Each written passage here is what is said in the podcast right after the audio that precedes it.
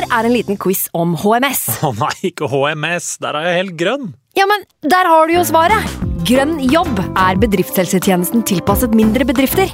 Våre HMS-eksperter hjelper mer enn 8000 bedrifter over hele Norge med alt fra lovpålagte HMS-krav til pålegg fra Arbeidstilsynet. Få på plass bedriftshelsetjeneste på grønnjobb.no.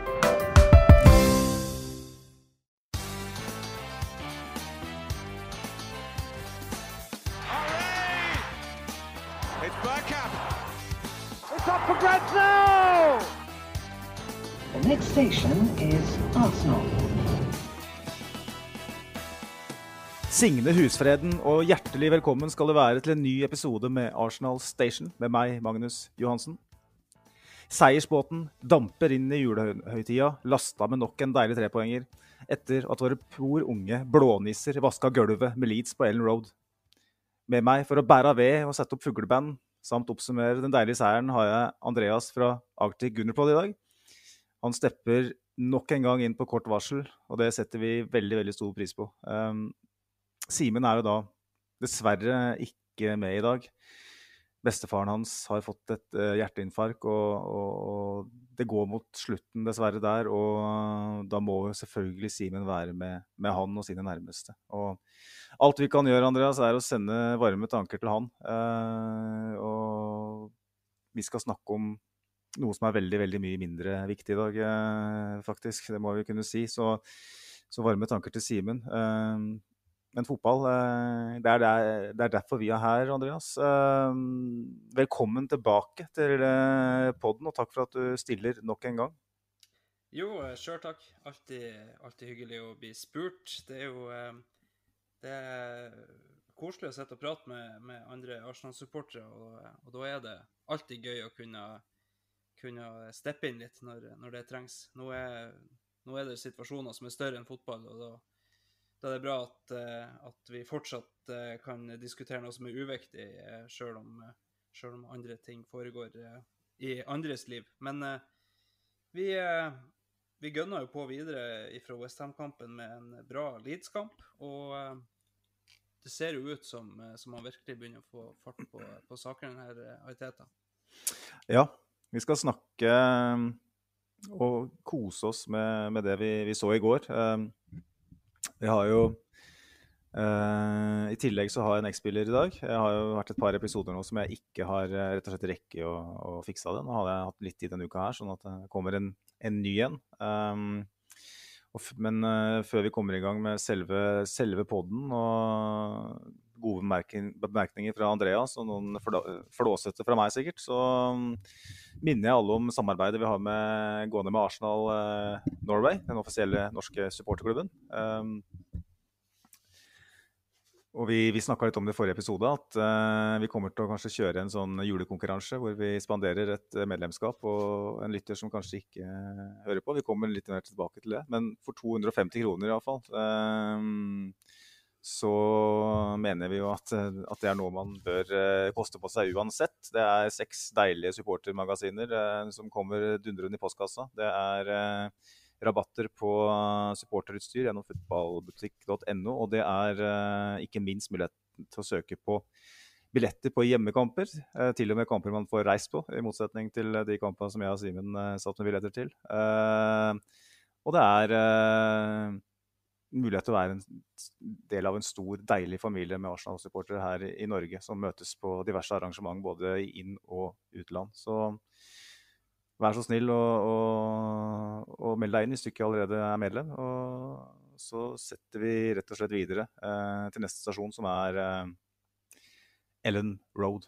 Eh, lagoppstillinga den er jo litt sånn som vi kanskje forventa, fordi at Mikkel Ariteta han han bytter jo ikke ut altså Han er ikke en som bytter et vinnende lag. da. 'Never change a winning team' er en, sånn berømt uh, frase. ikke sant? Og, men Mikkel Arteta, når han finner en formel som funker, da bytter han ikke.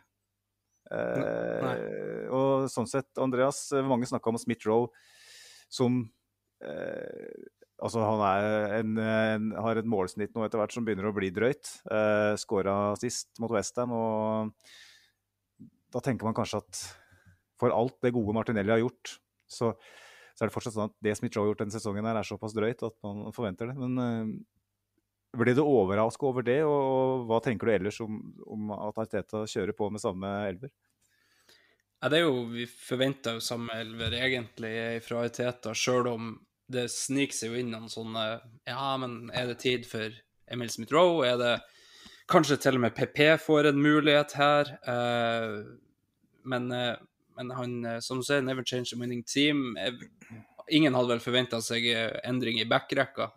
Sjaka og Party er de foretrukne på midten. Og, og når Martinelli har gjort det så bra i det siste, og, og han utfyller jo da Lacassette veldig bra eh, i mm. lag med Saka. Det er jo eh, litt sånn som eh, City driver, og, og, veldig likt det som Liverpool driver på med, med en Firmino som dropper ned, og, og to raske vinger på hver side. Så, så det er jo eh, Ja, han har funnet ei oppskrift som fungerer. Det har vi sett før. Eh, igjen slumpa litt over det, men, men, når han først finner noe som fungerer, så, så fortsetter han med det til det ikke fungerer, virker det som.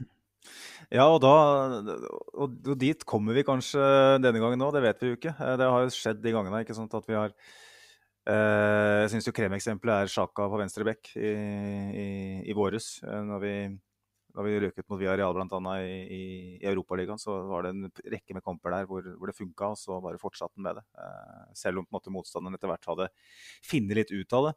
Eh, men akkurat nå så så sklir det jo på en helt annen måte. Nå, nå, spiller Arsenal, eh, og nå snakker vi om ei uke med tre kamper, selvfølgelig. Og for eh, bare noen dager før det så satt vi og, og tenkte er Ariteta rett mann? Fordi at eh, de kampene mot United og Everton, og spesielt mot Everton, var så svake. Eh, at man liksom tenkte at Oi, skal vi gå på en ny sånn tung rekke nå? Uh, når vi er i angrepsposisjon, når vi har muligheten. Men så, så, så, har, så har, man funnet, funnet en, en, oppstilling med, med, spillere som unge spillere som virkelig er i siget. Eh, vi så jo en grafikk i går, Andreas, på, på antall målpoeng eh, på de spillere her. Og det er jo, de, det er unggutter her. Det er jo en uh, Martinelli som er 20.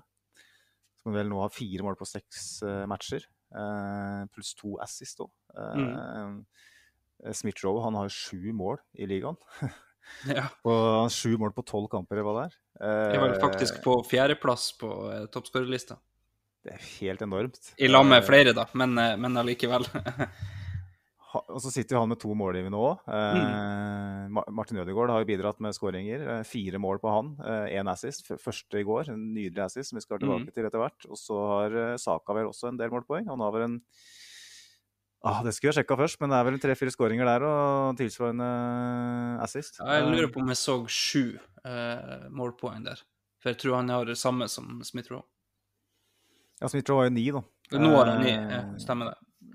Men ja det er de unggutta som, som stepper opp her. Og vi kan jo vi kan jo ta og gå gjennom skåringene, rett og slett, for det er jo de det handler om. Eh, så jo et Arsenal som, som gikk i strupen på Leeds, som gjorde alt de ikke gjorde mot Everton. Vi skåra fire mål i går, selvfølgelig. Og, eh, hvor mange mål hadde vi borte før, før den matchen her? Eh, altså, det er nesten ingen. Eh, ikke sant? Så skulle gjerne hatt tall på det, egentlig. Det er dumt å ikke sjekka det. Men uh, jeg, jeg, tipper at vi skåra omtrent like mange goal som vi har gjort på hele sesongen til sammen. Um, omtrent, i hvert fall. Hadde to mot Leicester, ett mot Burnley, så hadde vi to mot United, ett mot Everton. Si det er mm. seks, da. Kanskje jeg glemte et, men vi skårer jo fire i går. Uh, og uh, kunne jo leda etter to minutter der når uh, Lacassette brenner og Saka brenner, og så kommer den kommer den nydelige skåringa. Jeg syns den er fin, selv om det er litt klabb og babb. Eh, det er ikke tilfeldig at det er Martinelli som dukker opp der. Nei da, det er jo ikke det. Han har et målinstinkt som, eh, som er helt utrolig. Det så vi jo egentlig fra første, første stund med han, at eh, det målinstinktet hans er jo fantastisk. Vi, vi var veldig opphypa i begynnelsen med Martinelli, og så har det vært en stund nå han ikke har fått noen spilletid. Kanskje det er litt à la Phil Foden i City trengte å holde han litt tilbake og, og jobbe litt på de tingene han var svak på, for å, for å komplettere han mer. Og nå ser jo Teta at uh, forskjellen han ser nå, er at nå har han flere gir. Nå, nå skjer mm. ikke alt på full peising. Nå, nå, kan han roe ned litt av og til. Og, og det er viktig. Uh, I tillegg til det offensive han gjør, så gjør han mye bra defensivt. Mm. Det, det er òg veldig viktig. Har eh, flest brudd i går og nest flest eh, tak taklinger, tror jeg. Eh, mener i hvert fall jeg så det på, på Twitter. Så det er um, utrolig viktig, i, i, hvert fall mot et lag som Leeds, som, som har lyst til å, å, ta deg på, på kontring og skal spille seg ut. Så, um, så det er viktig at alle bidrar. Ja, vi kan jo ta en liten Martinelli-prat, for at mål nummer to er jo eh, Martinelli, det òg. Eh, selvfølgelig et lead som gir bort ballen enkelt igjen. Eh, så det er Granit Xhaka som slår en, en fin kule gjennom. Eh, mm. Syns jo kanskje førstetouchen første touchen til Martinelli er halvveis, eh, men han er litt sånn som en, en god søramerikaner foran mål skal være. Klarer å få med seg ballen på et eller annet merkelig vis. Ja. Og så når han først da kommer foran Melier der, så er det jo klasse. Eh, mål nummer mm. fire på seks kamper. og som du sa, han, han, bidrar ikke bare der. Du nevnte noen statistikker, og i tillegg så hadde han fem nøkkelpasninger i går. Det syns ja. jeg er ganske rått. Det er flest av alle sammen med Ødegaard. Ja, altså, ja, han har blitt så voksen, eh, og det er et veldig liten sample size, det skal, det skal sies. Han, men jeg husker vi snakka om det i forrige episode, jeg og Simen, at eh, etter den Southampton-kampen det, det, var noe veldig voksent over det han gjorde i den kampen, for da hadde han òg flest taklinger og masse sånne tall som liksom mm. Man ikke forbinder med det, og det som du sier, det Ariteta sier, det er noe vi kan nikke anerkjennende til. Det der med at, at han har utvikla flere gir i spillet sitt. For han har vært en sånn type som ser på ball, glaner ned i bakken og bare løper mot mål. Eh, mm. Spiller nesten på rent instinkt. Nå har han begynt å tenke. Altså, nå har han begynt å være tålmodig. Han har begynt å løfte blikket.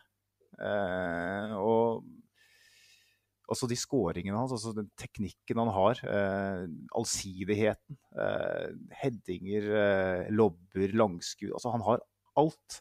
Mm. Uh, han har rett og slett et skremmende potensial. Og, og litt sånn som fotballsupporter er, så når vi ikke kjenner hele sannheten, så begynner vi å spekulere. ikke sant? Altså, hvorfor spiller ikke Martinelli? Og så liker ikke Arteta Martinelli, har vi tenkt fordi at han er litt sånn som PP. ikke sant? En spiller som i hvert fall tidligere, ikke nå da, men tidligere mm. vært en spiller som PP, som, som, kanskje har litt for høy feilmargin. En, en, spiller som ikke er like teknisk sikker som vi, det vi kanskje forbinder med en Arteta-spiller. Mm. Da har vi noen konkludert med at eh, kanskje ikke Martinelli er helt typen til Arteta. Eh, men så, så, så, får man på en måte nå en bekreftelse på, på noe man har håpa på. Da, at eh, Arteta rett og slett har bare tatt den litt til sida, som du sier. Jobba, jobba på treningsfeltet over tid. Og så reintegrert den i laget. Og, og, nå ser vi plutselig et beist av en fotballspiller som eh, ja, jeg må si jeg er jævlig spent på hva han kommer til å fortsette med nå. fordi at vi skal ikke vi skal ikke forvente at han fortsetter i det tempoet her. Eh, det er urettferdig. Eh, men det er en liten del av meg som tenker at er det én spiller som kan ha det tempoet her i laget, er det én spiller som har potensialet til å levere sånne prestasjoner uke ut uke inn med tanke på produktivitet, så er det Martinelli. Er det én spiller som kan gjøre at vi kanskje utsetter spisskjøpet til, eh, til sommeren, så er det, er det Martinelli. tenker du at han Altså tenker du at hvis han fortsetter nå sånn i noen kamper til, at, at Arsenal har råd til å eh, la Aubameyang være en perifer spiller, kanskje ikke Didra i det hele tatt, og, og, og, og, gi det ansvaret til Martinelli sammen med, med de øvrige unggutta? Ja, altså, hvis vi ser igjen da, ser på Urbinio sin Twitter-konto, så ser han at uh, ett av 18 mål, uh, eller de 18 siste, da, for, uh, for Arsenal sin del, har kommet fra en spiller som er over 23. Eh, og det vil jo da si at det er ungguttene våre som leverer. Eh, vi vet at Aubameyang har hatt en elendig sesong så langt. Eh, begynte nedturen i fjor, fortsetter i år. Eh, og eh, vi har sett at ungguttene har levert. Det eneste vi vet om unggutter, er jo at de er ustabile. Eh, men med Martinelli og med Smith-Roe så ser vi en sånn stabilitet som vi egentlig ikke har sett før. Saka har vært litt ned og litt opp i, i år. Han var jo skyhøyt omtrent i hele fjorårssesongen, men, men uh, litt mer ustabil i år. Uh, men uh, Martinelli og Smith-Roe har både et målsnitt som ikke ligner grisen, og, og en stabilitet i det de gjør. Martinelli har, har, en sånn smartness i mye av det han gjør nå. Det er ikke bare, som du sier, se ned og sette fart. Det, det han gjør uten ball, òg er bra. Ødegaard sitt mål forrige kamp var jo et eksempel på det, der han går inn og blokker stopper, sånn at Ødegaard får gå opp alene. Eh, hvis ikke han gjør det, så kan det godt hende at Ødegaard ikke får den der. Og, eh, for, for de, de er hodesterke bak der i Westham. Eh, men vi ser jo hele veien at han går på løp som, som er smart, og i tillegg når han når han nå blir sammenligna igjen da med Thierry Henry og, og Alexis Sanchez og, og, de største navnene da, i, i Arsenal-tida, så, så, er det jo ikke noe Det, det er ikke ingen røyk uten ild, holdt på å si. Det er Han leverer så skyhøyt nå at hvis han kan fortsette på noe i nærheten av det her nivået, så kan det godt hende at vi ikke trenger noen ny spiss i januar. At um, Lacassette er nok. Um, I den rollen han er nå, så kan vi i teorien sette inn uh, sette inn en annen. Sette inn Smith-Roe eller eh, Ødegård som spiller som en falsk nier. Eller, for det han egentlig gjør, i tillegg til å, å, eh, å fight veldig mye, da, Lacassette, det er jo å binde opp spill, og det har vi andre som kan gjøre òg. Mm. Uh, så um, nå trenger vi egentlig ikke den spissen som skal stå foran mål og skåre mål, for, um, for, nå spiller vi på annet vis. Og um, ja, vi har jo sett det med Firmino i Liverpool, for å ta et veldig stort og skummelt eksempel. da. Eh, Skåra veldig lite mål. Skåra omtrent ikke på Anfield i fjor, men er en av de viktigste i laget likevel. Eh, så hvis dette er måten Teta vil spille på, så er det ikke sikkert vi trenger en Aubameyang. Eh, på sitt beste så gjør han den jobben Martinelli gjør nå, fantastisk bra. Men han er ikke på sitt beste nå. og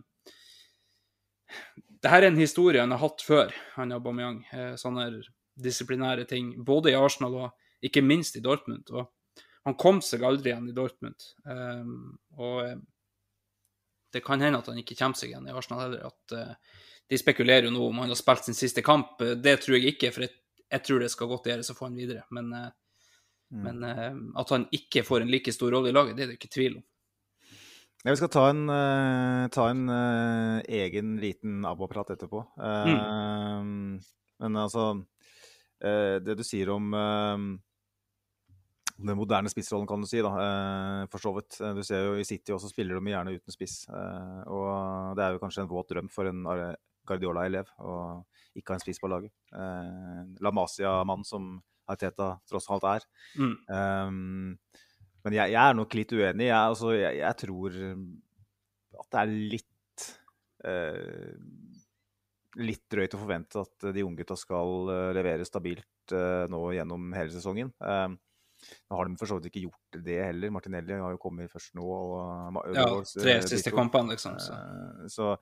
Så, det kan fort butte litt der igjen. Det er unggutter, det er spillere mm. som trenger, trenger erfaring uh, over tid. Um, så jeg tror, jeg tror Arsenal, i den grad det er mulig, så tror jeg Arsenal bør hente en spiss i januar. Uh, en, en, spiller som da er en, en hjørnestein i, i framtida. Uh, mm. jeg, jeg, tror at, at skal Arsenal klare topp fire, som virker å være jeg, altså Et race Arsenal i det minste er med i, uh, så tror jeg vi trenger en, en, en pålitelig spiss som kan, som skåre en del mål. Uh, eller rett og slett en, en erstatter for Lacassette uh, på sikt. Jeg, jeg, er redd for at for at det egentlig, altså vi så det, er ikke, det er ikke så lenge siden Everton-kampen eller United-kampen. eller den, Så det er kanskje litt mer sånn mentalt, da, borte, bortespøkelse og alt det der. Men jeg har sett Aristeta sitt Arsenal slite uh, en del uh, i det offensive. Vi har, vi har løsna litt akkurat nå, men det er veldig, veldig tidlig å si at, har, at vi er friskmeldt helt. Mm. Vi trenger en ny spiss, tror jeg. Og, og så, så er jeg samtidig veldig opptatt av å tenke at hvis de én, to, tre spillere man virkelig har lyst på ikke er tilgjengelig i januar, så skal man selvfølgelig ikke gå og bruke penger på en, et fjerde-femtevalg. Uh, det er Nei. riktig. Uh, og jeg tror dessverre at det er sånn. Jeg tror ikke vi kommer til å få hente noen, men det blir en avsporing. Uh, vi, vi, vi, går litt tilbake til matchen og skåringene. det var Martinelli ganger to, og så var det vel den godeste Bukayo Saka som fikk en, altså den, det, var den sjansen mot Westham som ikke gikk inn. Den, den gikk inn mot, mot Leeds. En ganske lik situasjon, egentlig. Eh, går via en, en, motspiller, og denne gangen i mål. Eh, altså, han er der. Han, han, han er, spiller høyrekant, og der har han tatt seg helt eh, ned på venstre side av boksen. Eh, det er ikke så mye å si om det målet, egentlig. Eh, så mål nummer fire er jo da målmaskinen Emil Smith-Roe. Eh, Supersub, som han plutselig har, vært. Et skikkelig spillemål, da. Ja. Altså, hvor, hvor, eh, også mot Westham, det målet til Martinelli er en av kanskje mitt favorittmål denne sesongen. her. Mm. For det, det er så utypisk eh, Ariteta sitt Arsenal, egentlig. Eh, den type scoring hvor han bare skjærer gjennom som kniv i varmt, eh, Mm. varmt smør. Og så er det noe med skal ikke snakke om det nå, men den teknikken og alt det der er jo spinnvilt.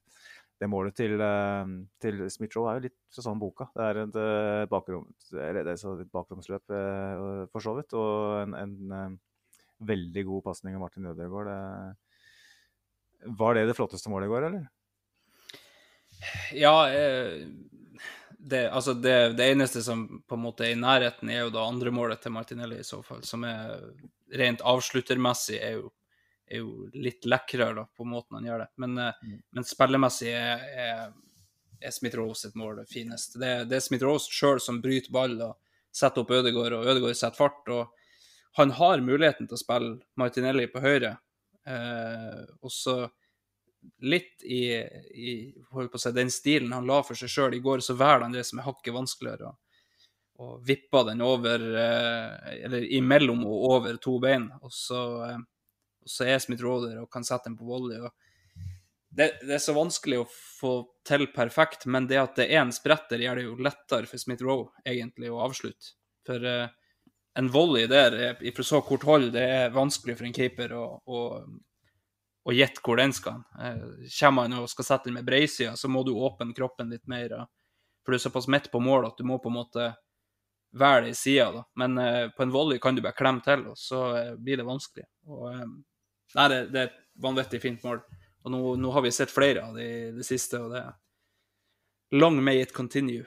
For det er nøkkelen for oss.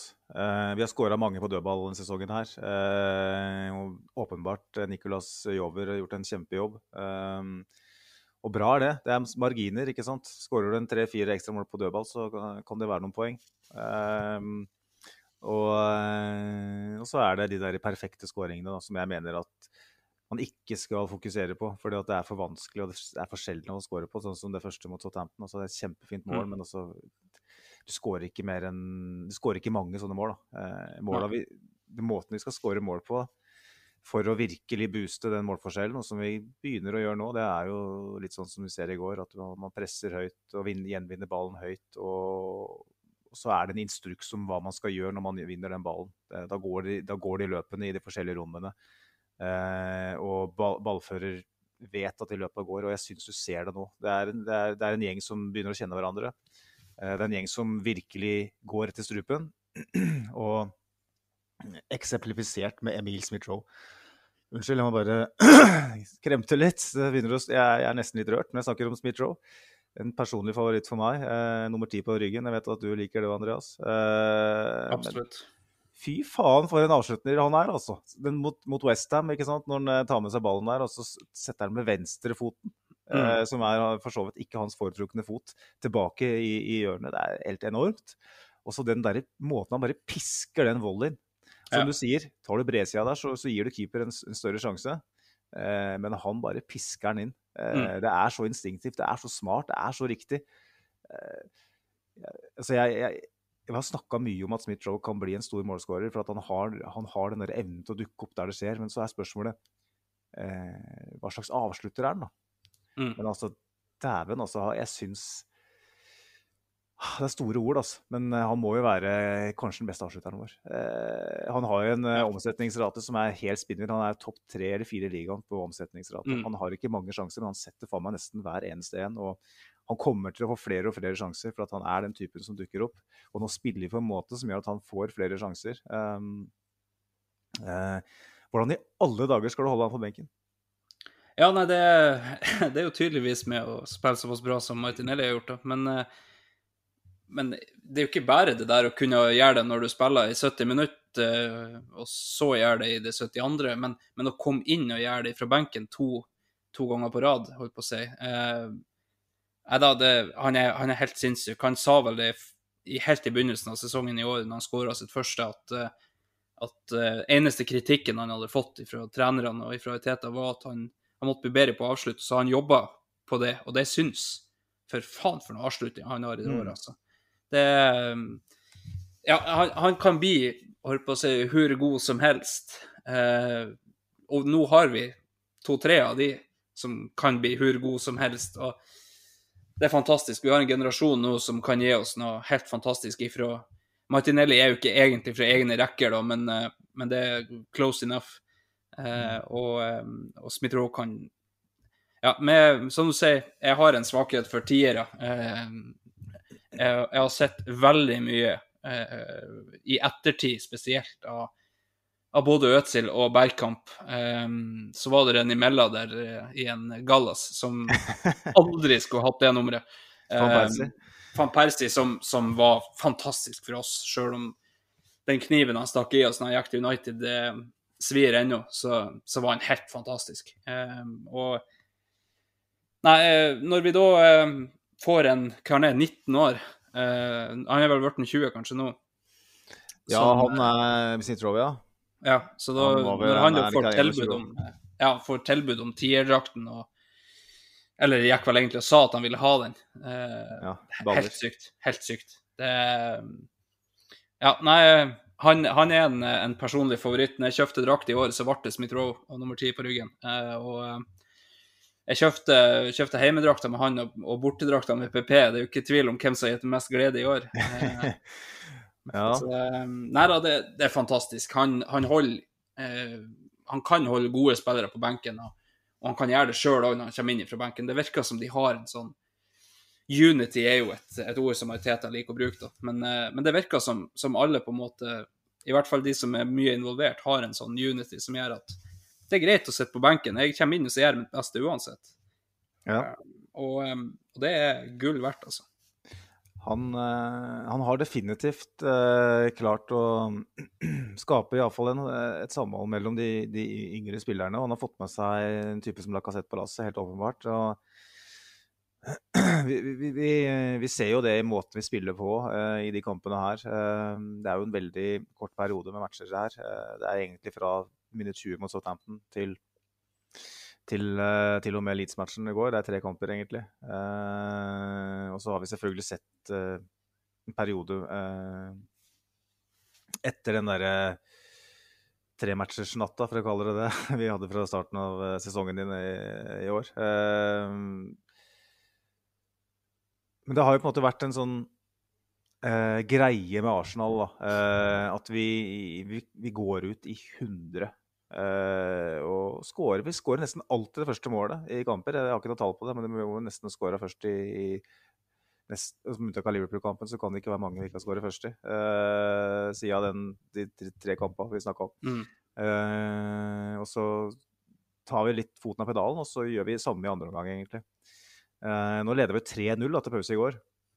Det er jo en litt sånn farlig ledelse, kanskje, fordi at det er så Objektivet er så krystallklart. Ett lag har alt å tape, ett lag har alt å vinne. Ett lag spiller på hjemmebane eh, med fansen bak seg. har masse å revansjere. Eh, var du på noen måte kritisk til måten Arsenal eh, løste den andre omgangen på, eller tenker du at det er naturlig? Altså, det, det var litt både òg. Som, som supporter vil du alltid at de skal gå for Gå for nummer fire, og gå for nummer fem og gå for nummer seks. Altså, jeg, jeg er jo flaska opp under Wenger. Eh, de tok aldri gass, eller foten av pedalen. Det var eh, Her går vi før det helt til fløyta går. Men, eh, men samtidig så er det kanskje en litt lurere måte å gjøre det på med tanke på det programmet vi er i og skal inn i.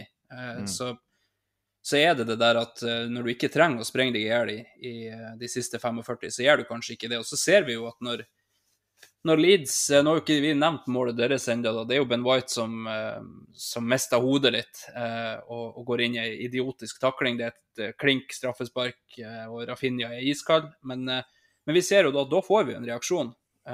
Fram til da var jo Leeds ja, ganske dominerende, i hvert fall med, med tillatelse fra Arsenal, vil jeg si. Og, og etter det så gjør vi noen bytter, vi kommer innpå, så går vi for det, og så får vi 4-1. og Da da er jo kampen ferdig. Eh, Det lille, lille håpet som, som Rafinha tente der, det, det slukte vi fort. Så eh, Så klart alltid lyst på mer, men, eh, men forståelig, tror jeg, hvis, hvis de har sagt at nå, nå roer vi det ned litt. Det, det er et heavy program vi skal inn i. Det er risiko for både skader og, og eh, suspensjoner og litt sånn, hvis, vi, hvis vi virkelig går for det nå kom jo ikke den eh, beskjeden gjennom til Sjaka, som kanskje var heldig eh, som ble på banen. Eh, det var vel James McNicholas skrev jo det på Twitter at hvis Granit, hvis Granit Xhaka gjør den taklinga som Granit Sjaka gjør der, så får han rødt kort. så så det, er, det er jo en liten sånn Vi har jo sett det nå i, i hele høst, egentlig, så har vi jo sagt det om, om mange taklinger i forskjellige kamper. At hvis Granit Sjaka gjør det der, så får han rødt. Eh, og jeg, jeg var helt sikker på at han skulle få rødt i, imot Leeds, for det så jo ut som han var, han var helt eh, bestemt på at det skulle han ha. Eh, men eh, han blir nå på banen og, og er i hvert fall med og, og fighter det opp litt da, når vi begynner å bli slack. Jeg elsker pizza. Når den er god. Det er jo det det dreier seg om. Domino's kom til meg og sa vi trenger hjelp til å lage Norges favorittpizza. Da tenkte jeg ok, her er det et stort forbedringspotensial. Vi må gjøre noe. Prøv våre nye pizzaer, som er testet og godkjent av Hellstrøm. Hvit bacon fikk terningkast seks av Dagbladets pizzapanel. Smak selv og bestill på dominos.no. Yes, uh, det har vært en bitte liten pause her. Sånn uh, frivillig pause, vil jeg kalle det, for å hente pils. Eh, og så blir det litt sånn stakkato her, for Simen er jo den som normalt sett styrer alt det tekniske. For at jeg rett og slett uh, har ti tommeltotter både når det gjelder uh, type praktiske oppgaver, og kanskje av og til når det gjelder sånne tekniske ting som det her òg. jeg er jo sånn type at hvis eh, hvis jeg ryker litt av bilen eh, og må åpne panseret, så håper jeg på at det er en stor rød knapp man kan trykke på. Eh, det som er fett med det programmet vi bruker, er at det er en stor rød knapp man kan trykke på. Eh, så den trykka jeg på nå. Eh, vi snakka om Sjaka. Uh, vi skal ta en liten VAR-diskusjon etterpå, kanskje, hvis vi rekker. Uh, men uh, vi, Arsenal gjør jo Avslutter fotballkamper stort sett veldig dårlig, egentlig, eh, denne sesongen her. Eh, vi hadde jo et eksempel på det motsatte mot Westham, selvfølgelig. Men eh, som vi snakka om i forrige episode, så hadde vi vel det seneste målet vi hadde skåret for bortebane denne sesongen her, eh, foran den kampen her, da, vel å merke, var i det 54. minutt. Martin Ødegaard, Manchester United. Eh, Nå Mm. tok vel Smith-Roe og sletta den, heldigvis. Men eh, vi gjør jo Vi snakka jo om at, at, at det er naturlig å ta litt foten av pedalen, men Ben White gjør en idiotisk ting. Granit Xhaka gjør en idiotisk ting. Det er sånne ting man ikke kan gjøre mot, en mot et bedre lag i en, et annet kampscenario. Eh, er du litt bekymra for at liksom eh, at den Granit Sjakan vi kjenner så godt, eh, kommer til å rote det til Det vet vi at han gjør, for så vidt. At Ben White, som jeg syns har hatt defensivt en ganske svak periode over tid. Han var svak spesielt på Old Trafford. Eh, svak mot Everton. I går så virka han litt sånn prega av, atmosfæren. Altså en, en hjemvendt sønn på et vis. Leeds-fansen elsker jo Ben White mer enn alle andre. Eh, Ble årets spiller i Brighton uh, i fjor fordi at Leeds-fansen stemte på han. Ja. Men uh, er det her noe som, som, du, som du ligger våken og tenker på, eller eh, tenker du at det her er enda en ting som man, med unntak av Sjaka selvfølgelig, er noe med Ben White spesielt kommer til å lære av? Ben White er såpass ung ennå at jeg tror, jeg tror det går greit. Eh, Så lenge vi har Ramsdale bak han og Gabriel på sida, så tror jeg det skal gå greit. Eh, Men, eh, men det er klart, eh, du kan ikke gjøre sånne ting imot større lag. Vi har allerede én som driver på med det, vi, vi trenger ikke to. Så jeg håper jo det at, at det er noe de tar med han med en gang, at de prater med han om det. At du, må, du må holde hodet litt kaldere i, i sånne situasjoner. For det, det som du sier, det er stemninga som, som går til hodet på en. han og, og det skal de faen meg ha, altså. Den, den stemninga de viser helt til etter full tid, er helt sinnssyk. Eh, det er ingen andre Premier League-stadioner som høres sånn ut når laget taper 4-1. Men så er det jo sånn som de var inne på i TV 2, de har vært med på verre. Men, eh, men eh, det, er jo en, det er jo en digresjon. De, han, han mista litt hodet der i, i en situasjon som egentlig ganske ufarlig. Han er jo ikke på vei direkte mot mål heller. Eh, så Men, men sånne, sånne er det overalt. I alle lag er det sånne eh, situasjoner. Så så lenge han ikke lager straffe holdt på å si, annenhver kamp, så, så tror jeg det går greit. Eh, kan jo nevne at jeg sover generelt ganske mye bedre etter Arsenal begynte å vinne igjen. Så, så det er en liten straffe mot Leeds. Det er jævla kjipt at vi ikke får clean sheet, for det, det skulle vi hatt i den kampen der. Men eh, ja, de har, de har, to skudd på mål, Leeds. Ett av de er straffen. Mm. Så, så, det er sånt som, som blir en sånn eh, fotnote da, i en sånn kamp. Ja. La det være La, la oss eh, kalle det en fotnote i poden òg. Uh, mm. Jeg har ikke lyst til at vi skal snakke om så veldig mye bekymringer eh, nå. Uh, det kommer sikkert anledninger for det senere i sesongen. Absolutt. det må vi regne med. vi kommer ikke til å holde på sånn her i hver eneste match og hver eneste uke. men vi har vel vært litt inne på det. men den hesteskofotballen til Arsenal, som vi har kalt det. Den litt feige tilnærmingen. Vi så det jo mot Everton senest. Mm. Lite spillemål. kommer altfor seint og sakte opp i motstanderens boks, sånn at alt blir veldig lett å forsvare seg, seg mot. hva er det som gjør at vi plutselig nå liksom eh, virker å ha knekt, uh, knekt, den koden? Er det, er det, sånn at du tenker at, uh, at det er ungdommelig energi eh, som går litt på tvers av gameplan, eller tenker du at det her er det Arteta ønska hele veien? Og han har rett og slett trengt den tida her for å, å sette det på et vis. Og så snakkes en del om den taktikken han har. og at at alle til enhver tid må vite hvor de skal stå på banen, og, at det ut, gjør det utfordrende å improvisere. Uh, jeg syns nesten du ser en Arteta som er kanskje ikke er like ivrig på sidelinja. Som, jeg vet, det er mulig at det er en dårlig observasjon, men som kanskje lener seg litt mer tilbake. Eh, for at han kjenner litt av nå at, at, det begynte å sette seg litt. Grann, og det er jo, Med unntak av United og Everton-kampen så har vi sett en klar progresjon over tid. Eh, vi ligger godt an i Premier League, eh, tross alt. Vi slår vi Norwich eh, på Boxing Day, så er vi, er vi oppe i 35. Halvveis da er vi i rute til 70 poeng. Som er, mye, som er sikkert ti poeng mer enn det de fleste forventer. Og igjen, vi er halvveis, så vi trenger, trenger ikke å ende på 70 poeng, men det er, det er et godt om enn. Um, prater meg jævlig bort her, merker jeg. Nå jeg en stor rød knapp jeg kan trykke på. Uh, men du kan jo være den store røde knappen, Andreas. Altså, uh, tror du vi har runda et hjørne her nå, eller, uh, eller altså, Hva tenker du om den måten Arsenal angriper kamper på, spesielt offensivt nå? Ja, nei, vi ser jo en litt annen måte vi angriper på nå. Den her berømte hesteskoen som du prater om, den er jo ikke det lenger. Um, vi, vi, er litt mer direkte. De har to, to målene som Martinelli skåra, pluss målet til Smith-Roe her, er jo en helt annen type fotball. Uh, det er jo der berømte Goldilocks-gullhårgreiene som alt skal være helt just right for å score mål. Det er ikke helt det lenger. Nå, uh, nå kan vi um, Det er litt, litt samme med Eller litt i forbindelse med et annet presspill. Vi, nå venter vi ikke til, til laget på vår banehalvdel før vi setter press på dem. Vi, vi presser høyt, spesielt mot Leeds, og, og tar dem i ubalanse. og da åpner det seg rom for å gjøre ting på en helt annen måte. Skal du alltid ha dem helt til din 16-meter og og begynne på nytt derifra, så får de tid å organisere seg, og da, da blir det gjerne små rom i, i midten. Men um, det kan jo være så enkelt som at uh, nå har han en Granit Xhaka på midten som slår de pasningene. Lokonga har jo gjort litt av det, men da har Party vært ditto dårligere på sida. Uh, nå ser vi en Party som er mye mer trygg, ikke, ikke i nærheten av det nivået han skal være på, men, men mye mer trygg når han har Xhaka Chaka på sida av seg enn en Lokonga. Så eh, nå har vi to stykker som,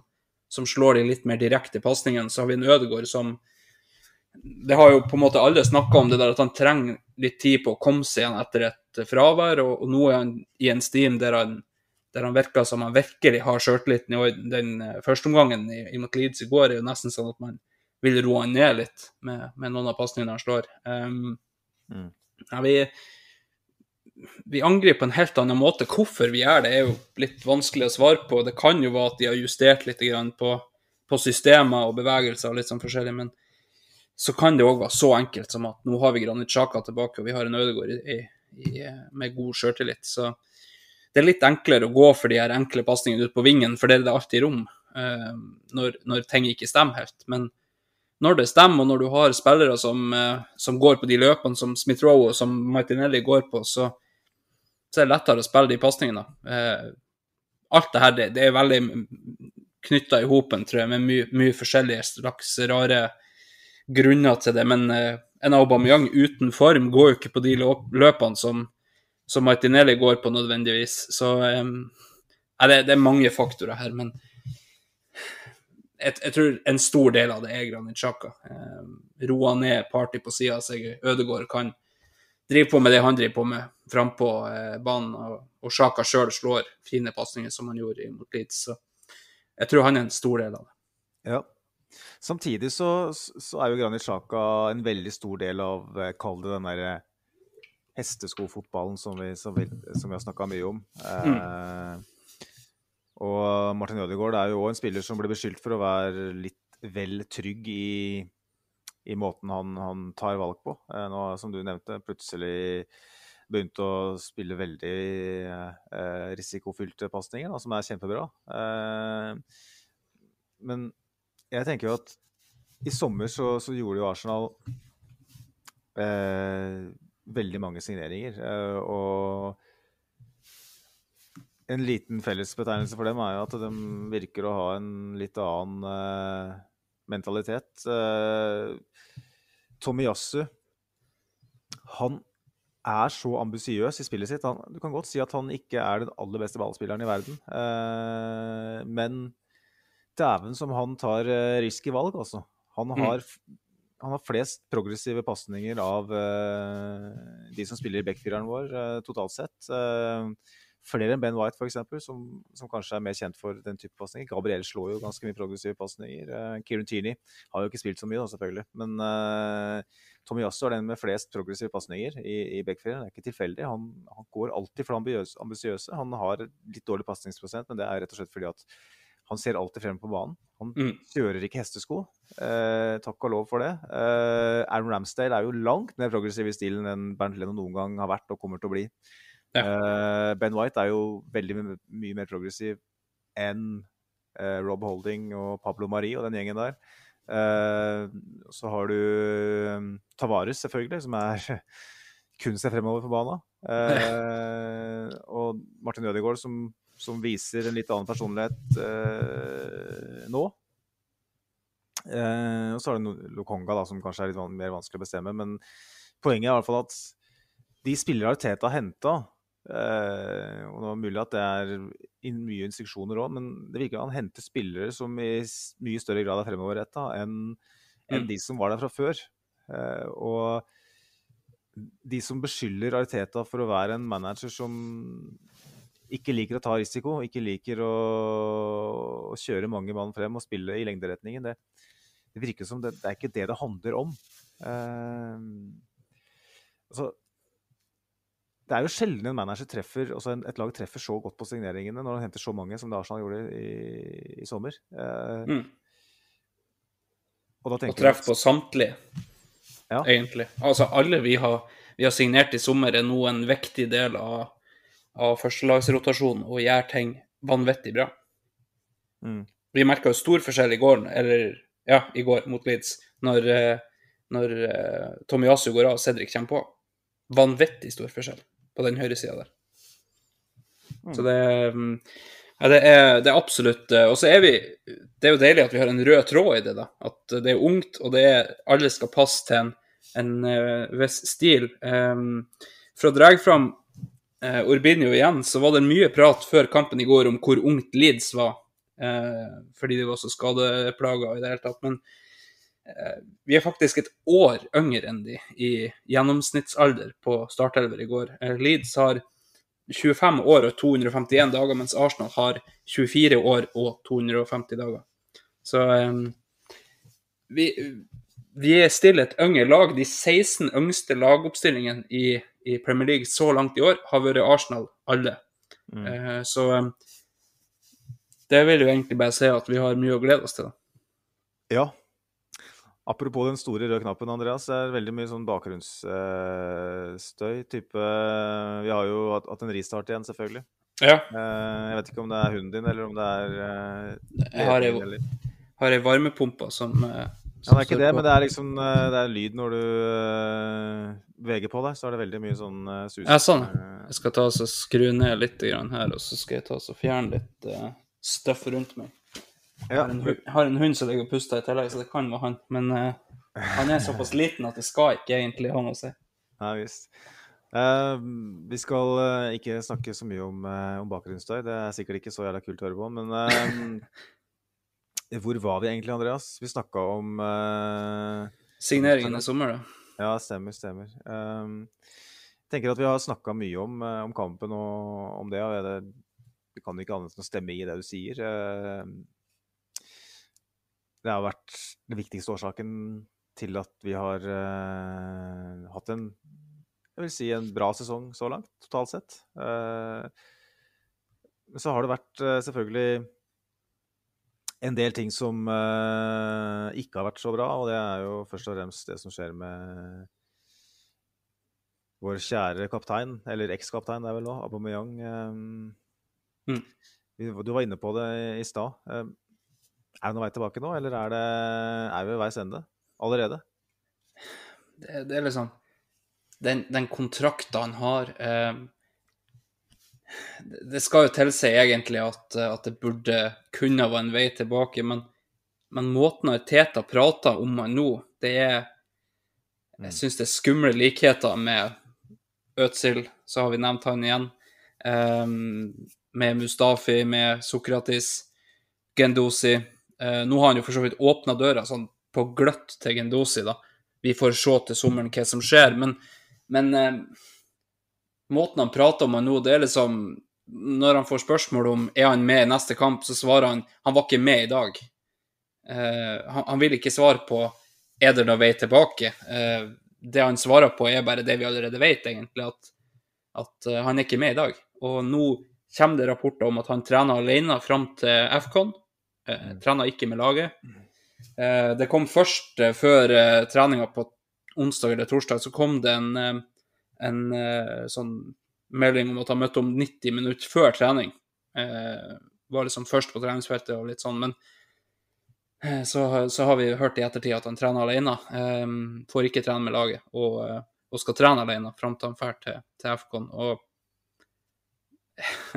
det er liksom han, han får i hvert fall ikke en like stor rolle som han har hatt i, i laget, det, det er i hvert fall sikkert. Men, men om han i det hele tatt er med i planene, sånn som Arsenal spiller nå uten han, det, det er vanskelig å se. Så de, de sier jo i, i TV 2 så er det så mange likheter med Øtzil-situasjonen. Arsenal spiller bedre uten han, i, i likhet med Øtzil. Det syns jo ikke jeg stemmer, da. Jeg syns vi var klart bedre når Øtzil kom inn igjen. Men, men med Aubameyang så var det jo en slags sånn hemsko der at vi det skulle liksom innom han når vi kom innenfor eh, 20-30 meter. Og han er jo ikke en Arteta-spiller, egentlig. Han, eh, han kan være en, en Martinelli, men ja, nei em, eh, eh, I hvert fall til førsteelveren så er det lang vei tilbake, tror jeg. og Det bygges jo bare opp med rykter om hvem som vil ha han i januar. Så vi får jo bare se um, hva som skjer. Jeg tror lønna hans blir et stor hindring for å få han videre i januar, men, men um, når det begynner å komme så mye rykter om at eh, klubber driver og spør om hvordan, situasjonen er, og så er det vanskelig å tro at, eh, at Arsenal er sånn at nei, han skal ikke unna, vi skal ha han. Det, ja, det, det, han har vist, eh, vist at han er nådeløs før Arteta, og um, det tror jeg han kommer til å være nå òg. Det er vel snakk om uh, at han har fått tre advarsler, og det var nok. Ja, for da, man tenker jo at det må jo ha skjedd noe litt mer enn bare det her. Og så, Det er jo viden kjent at uh, mora til uh, Aubameyang har slitt med helseproblemer. Og Mm. det er noe med at eh, da må man se litt mer gjennom fingrene. ikke sant? Og det gjorde vel Arteta òg i, i fjor. Um, eller Mm. om det var i våres, eller når det var. Um, eh, han, han blir strippa for kapteinspinnet nå. Uh, blir hengt ut offentlig, på sett og vis. Uh, og mister da sannsynligvis, som du nevnte, alle matchene fram til Afcon. Og tenker da Hvis ikke det er straff nok, da må det jo være et eller annet som har skjedd. Eh, må, jeg tenker reaksjonen til Aubameyang på den nyheten om at han visste kapteinspinnet. Eventuelt bare, bare det faktum at, at Arteta lager en sak av det i, offentlig eh, Mm. i forkant av det. Eh, Aubameyang fremstår for meg som en veldig jovial type. da. Eh, han har hatt litt sånn disiplinærproblemer, som du nevnte i- i starten av episoden her. men sånt, Han kommer som regel alltid overens med de aller fleste, og han klarer å rydde opp i sånt nå, ikke sant. Eh, Jeg leste en uh, fin artikkel om i, i The Athletic liksom, hvor, hvor Aubameyang har vært og kjøpt sånne miniatyrversjoner av Community Shield og FA Cup-trofé og gitt til, personlig til Ariteta. Mm. Eh, dette, er, dette er en fyr som kommer godt over, overens med manageren. Eh, dette er en fyr som kommer godt overens med nesten alle uansett. Eh, men som har en sånn liten sånn karakterbrist, at han kanskje er litt for laid back. da. Og det ser Mm. du på banen, og det, det, det, det ser du i privatlivet. Og jeg syns Jeg vet ikke hva som har skjedd. Jeg syns litt grann synd på han. Jeg må innrømme det. Med alt som har skjedd, med malaria og Mm. helseproblemer og alt det presset han har hatt på seg med kapteinspinn. Jeg vet at han tjener x antall kroner i uka og alt det der, men eh, Aubameyang har gjort veldig mye for Arsenal. Han Absolutt. har eh, et målsnitt fram til ja, du kan si det, Snittet har gått en del ned nå, men sånn de første par åra var helt sinnssykt. Og Mm. han vant FA-cupen nesten på egen hånd for oss, med to mål i semifinalen, to mål i, i finalen. Eh, Vanvittig god signering sånn totalt sett, fortsatt, vil jeg si. Eh, og at det er kommet til det her, det er bare trist. og Spørsmålet er det, er det nødvendig at det skal være så brutalt, så hardt. Eh, er En kulturendring er viktig.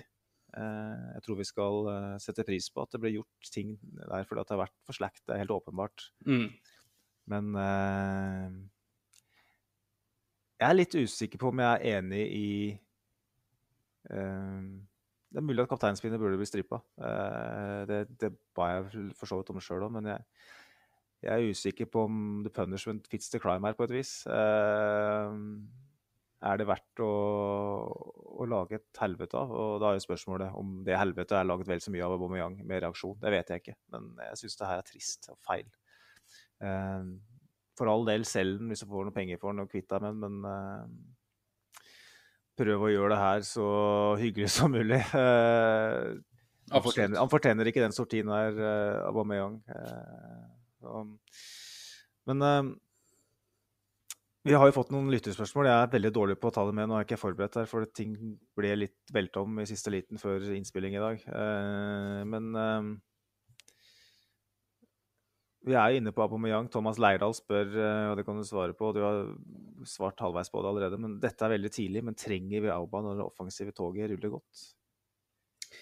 Ja, det er jo i den, i den forstand at vi, vi vet at unge spillere kommer til å være ustabile. Eh, og det fram til, kan du si, for ish et år siden, så var Aubameyang stabil, i hvert fall. Eh, og vi vet at Lacassette er ikke noen målskårer. Eh, han, han sier det jo sjøl nå at han, han liker mye mer å være nede i, i spillet og, og eh, kombinere med midtbanespillerne. Eh, og det har nok med alder å gjøre. Han, kroppen har innhenta han, han er ikke så skarp som han var innenfor feltet. og Kanskje gjelder det Aubameyang òg. vi har jo sett en, en steady decline de siste 18 månedene ish, eh, men eh, så var vi på en måte vi var forberedt egentlig til å si at, at eh, ja, men i fjor hadde han malaria, det var mye personlige problemer. I år kommer det til å, til å gå bedre, og så gjorde det ikke det. Vi har spilla bedre uten han så langt, men kommer vi til å stå der i februar med Martinelli kanskje skada eller ute av form, sammen med Smith-Roe Saka? Vi vet jo ikke. Det, det er unge spillere, og det eneste du kan stole på med unge spillere, det er at de kommer til å, å ha formdupper. For de har ikke, de, de har ikke rutine å dette tilbake på når flyten går bort. Um, og, og det kan vi kanskje trenge etter hvert i sesongen. Når det begynner å dra seg til, så, så um, og vi, vi kanskje er topp fire-reis enda, og, og ting begynner å bli veldig, veldig viktig i, i hver kamp, så kan det hende at mentaliteten ikke helt er der hos unge spillere som ikke har vært med på det her. For da begynner presset å øke. Um, så kan man jo så klart argumentere for at Aubameyang ikke har takla presset så godt siden han ble kaptein, men jeg vet ikke om det er nøyaktig Aubameyang vi trenger, men vi trenger i hvert fall en, en målskårer som kanskje er litt mer rutinert enn en, um, de vi har per dags.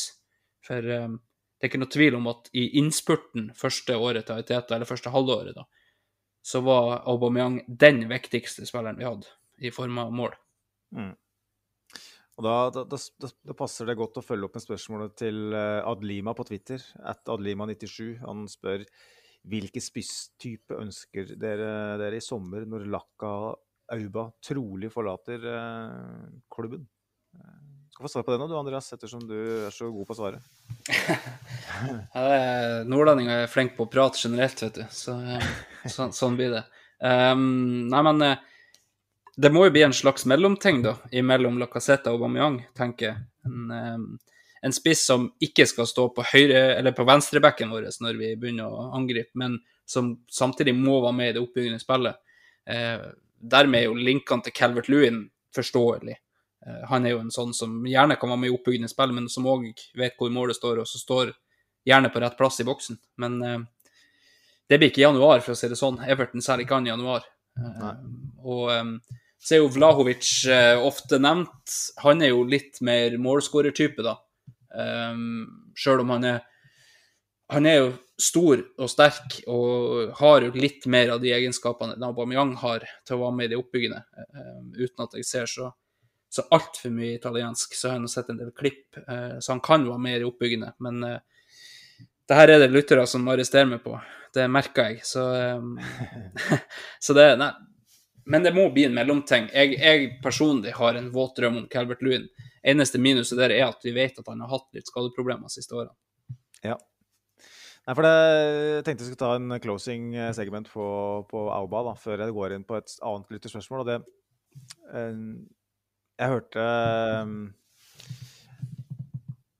The Arsenal Opinion podcast, heter det vel, uh, hadde Perry Gross som gjest uh, mm. for noen uker tilbake. Og han, uh, Da snakka de litt om, om, de greiene her. og Det var egentlig i forkant av den Øba-situasjonen. Sånn at det er vel så interessant å, å, å, tenke tilbake på nå. For han snakka om Ian Wright. Ja. Og han var en sånn type som eh, kunne havne litt i sånne problemer. og så Han kom, kom litt for sent og kunne havne litt totta på lagkamerater og motspillere. vi, vi som er litt eldre enn deg, Andreas, vi husker jo det.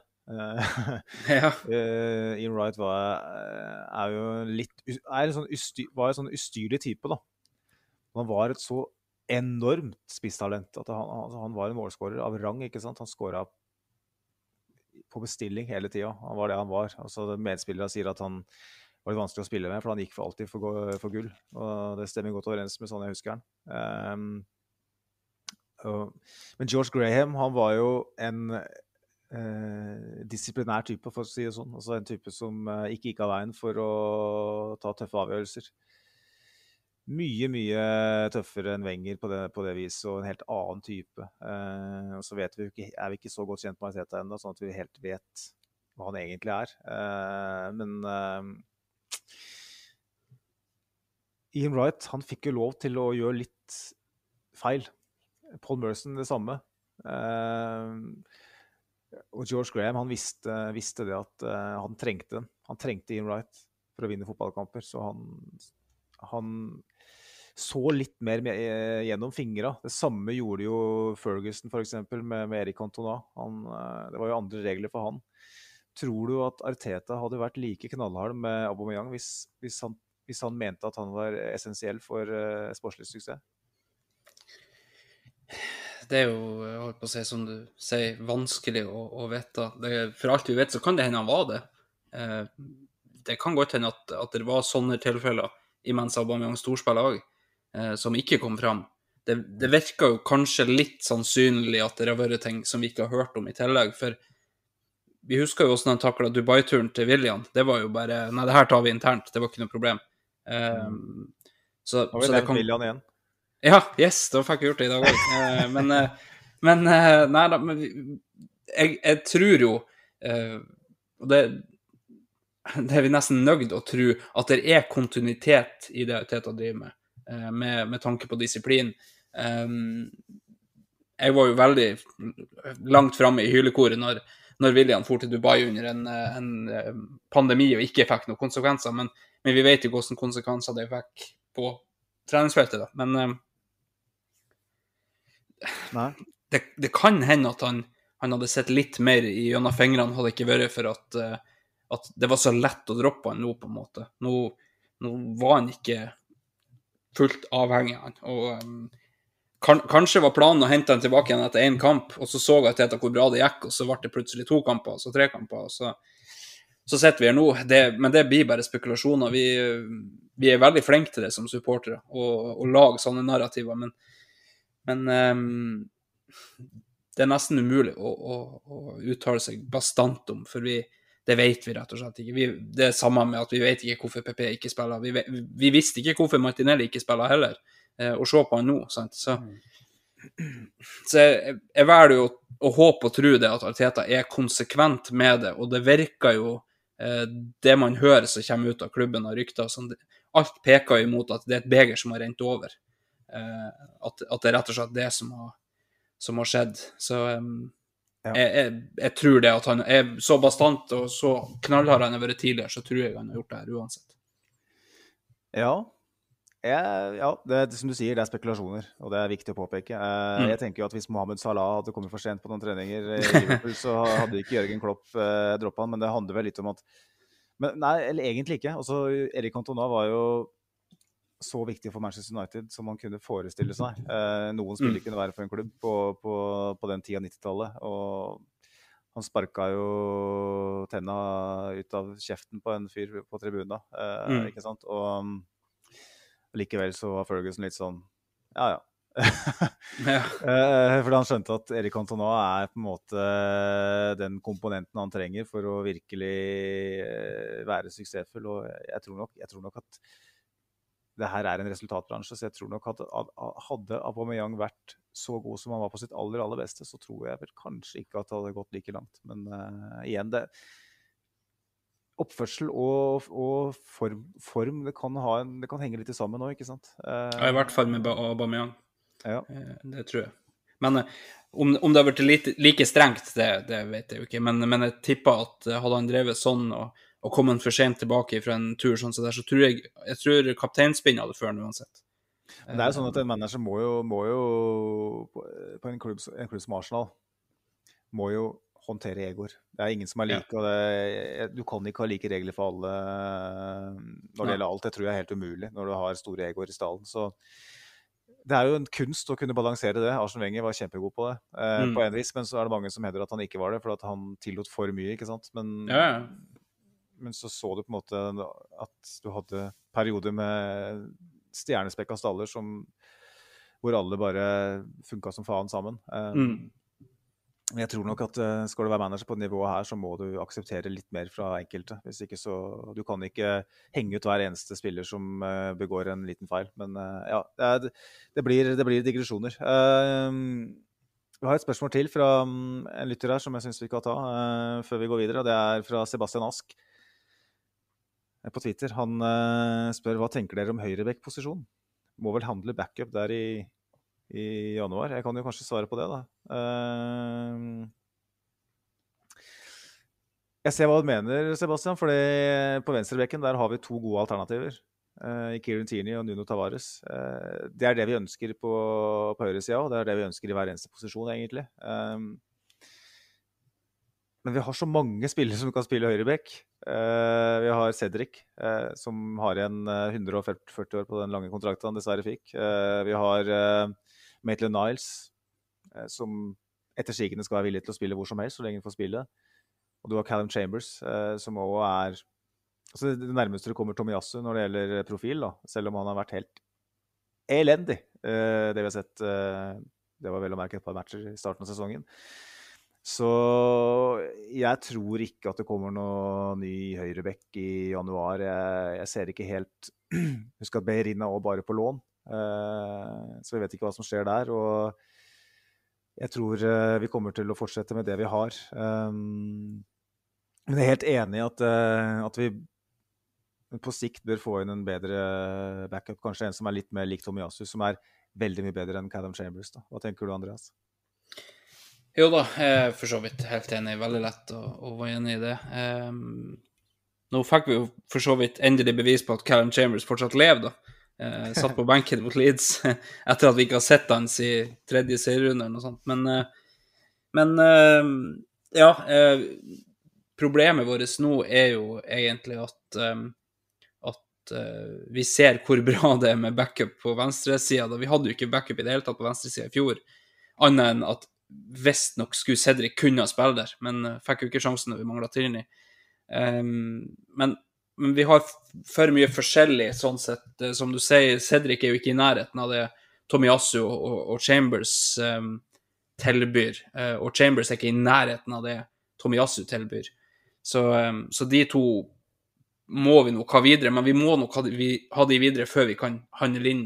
Vi, vi, kan ikke sette, Når Beirin kommer tilbake, så kan vi ikke sette med fem høyrebacker. Det går ikke.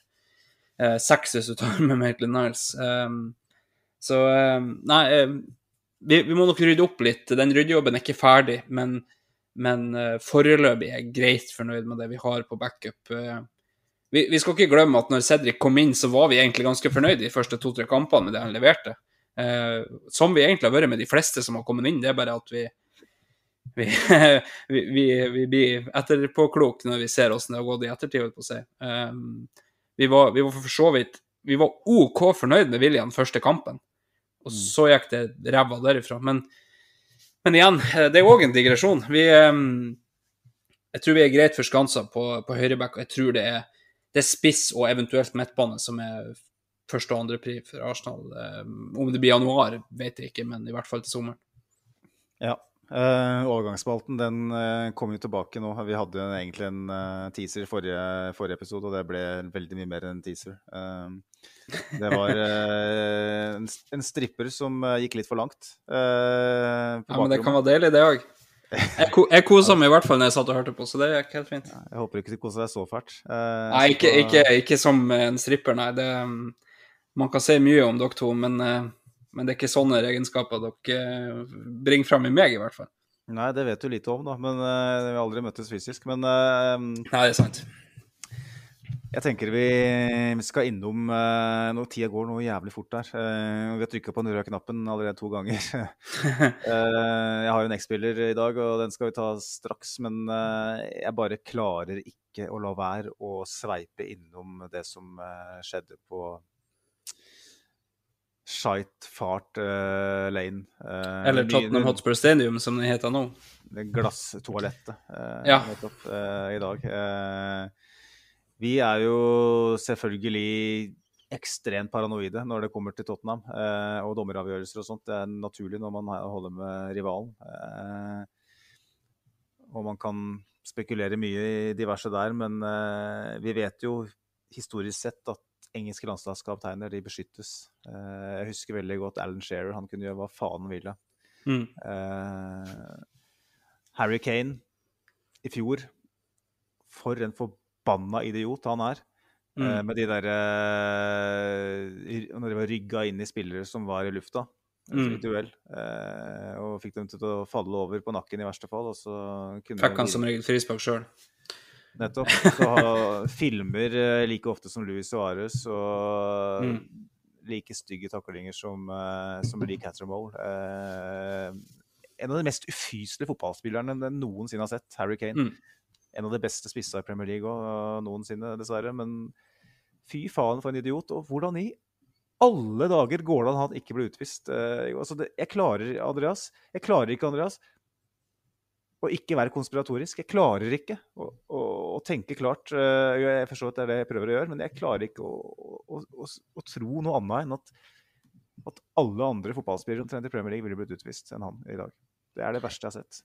Absolutt. Eh, det er jo etter hvert blitt en, en klisjé det der. Hvis Granit Xhaka gjør den taklinga der, så får han rødt kort. Men jeg tror her kan vi utvide til, eh, til hvem som helst, omtrent. Det er noen, noen, andre som er favoritter av dommere. Det er noen som aldri får kort, eh, omtrent. Men, men det han gjør i dag eh, Hadde ikke øre for Det var vel Robertsen Jeg sa Jota når vi prata om det i stad, men, mm. men, det var vel Robertsen som, som hoppa der. Og hvis han ikke hoppa, så er det beinbrudd. Eh, og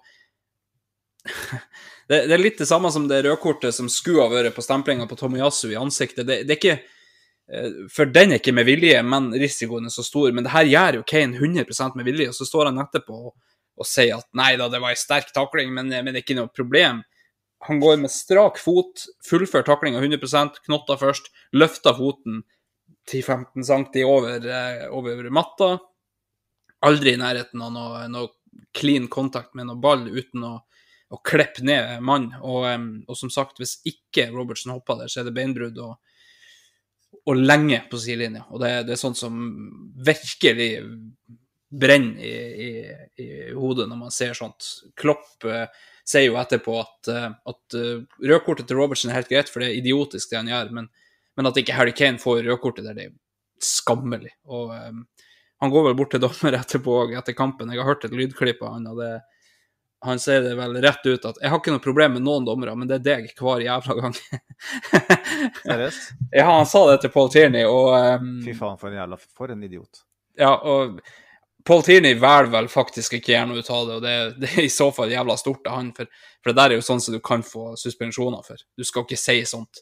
Uh, men når han i tillegg ikke fikk straffen der, Klopp, så, så rant det vel over. Men um, Nei, at Harry Kane ikke får kort oftere, at han ikke får rødkort i dag, det, det er skammelig. Uh, de sier at varebussen skal liksom være, være upartisk. Og, men det er nesten sånn at du skulle hente utenlandske dommere hvis de skal være upartiske. For, for, de sitter og tenker at det her er Harry Kane. Han, han gjør jo aldri noe galt. Han er engelsk landslagskaptein, og, og, alt er grønt og rosenrødt. Og, ja, um, det, er, det er, mange landslagskapteiner som, som har sluppet unna med mye, men jeg syns Harry Kane så klart fordi man har et rødt hjerte som banker litt for sterkt. Men han har sluppet unna med altfor mye. Og um, mye av det han driver med, er altså det er karrieretruende, og de er rygga inn i en hodeduell, det er livsfarlig. Det, du kan Dagfinn Enerly ble lam. Du kan ta livet av en person og drive på sånn. Og,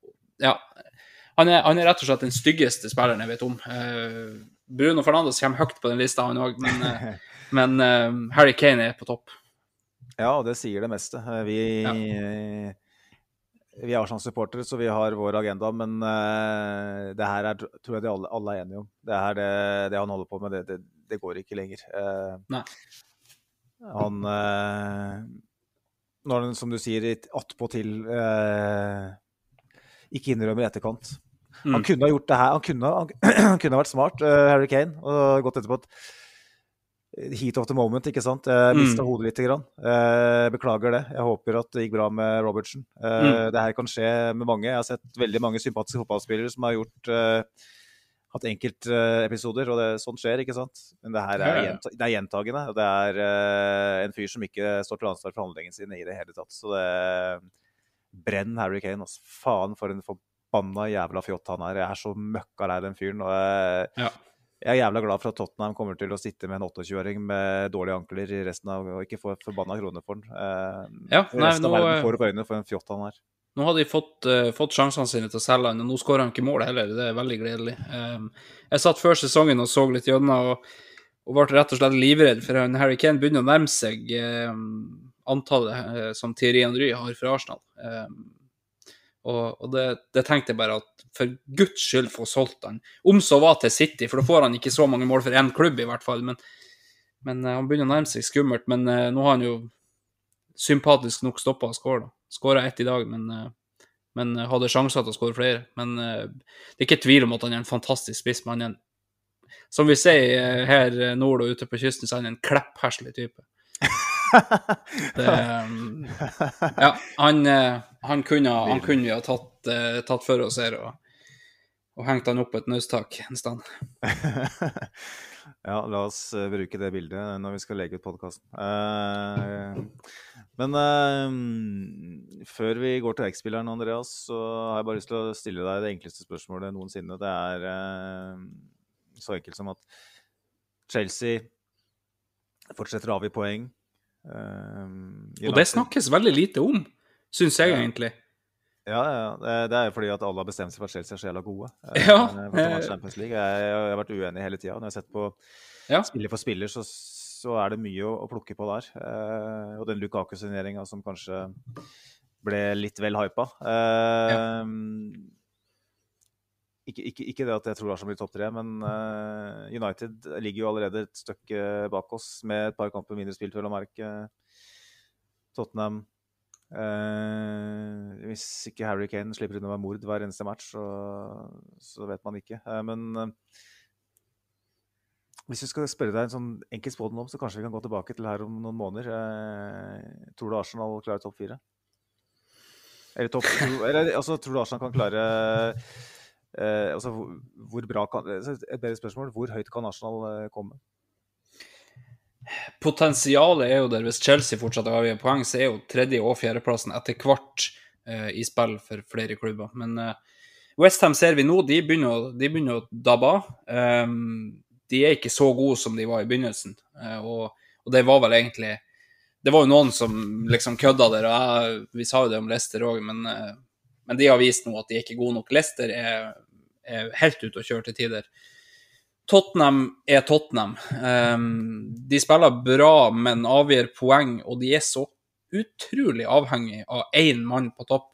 I fjor gjorde sånn eh, det Kane ikke gjorde, men, men um, alt Conte gjør imot Liverpool i dag, går jo via Kane, omtrent.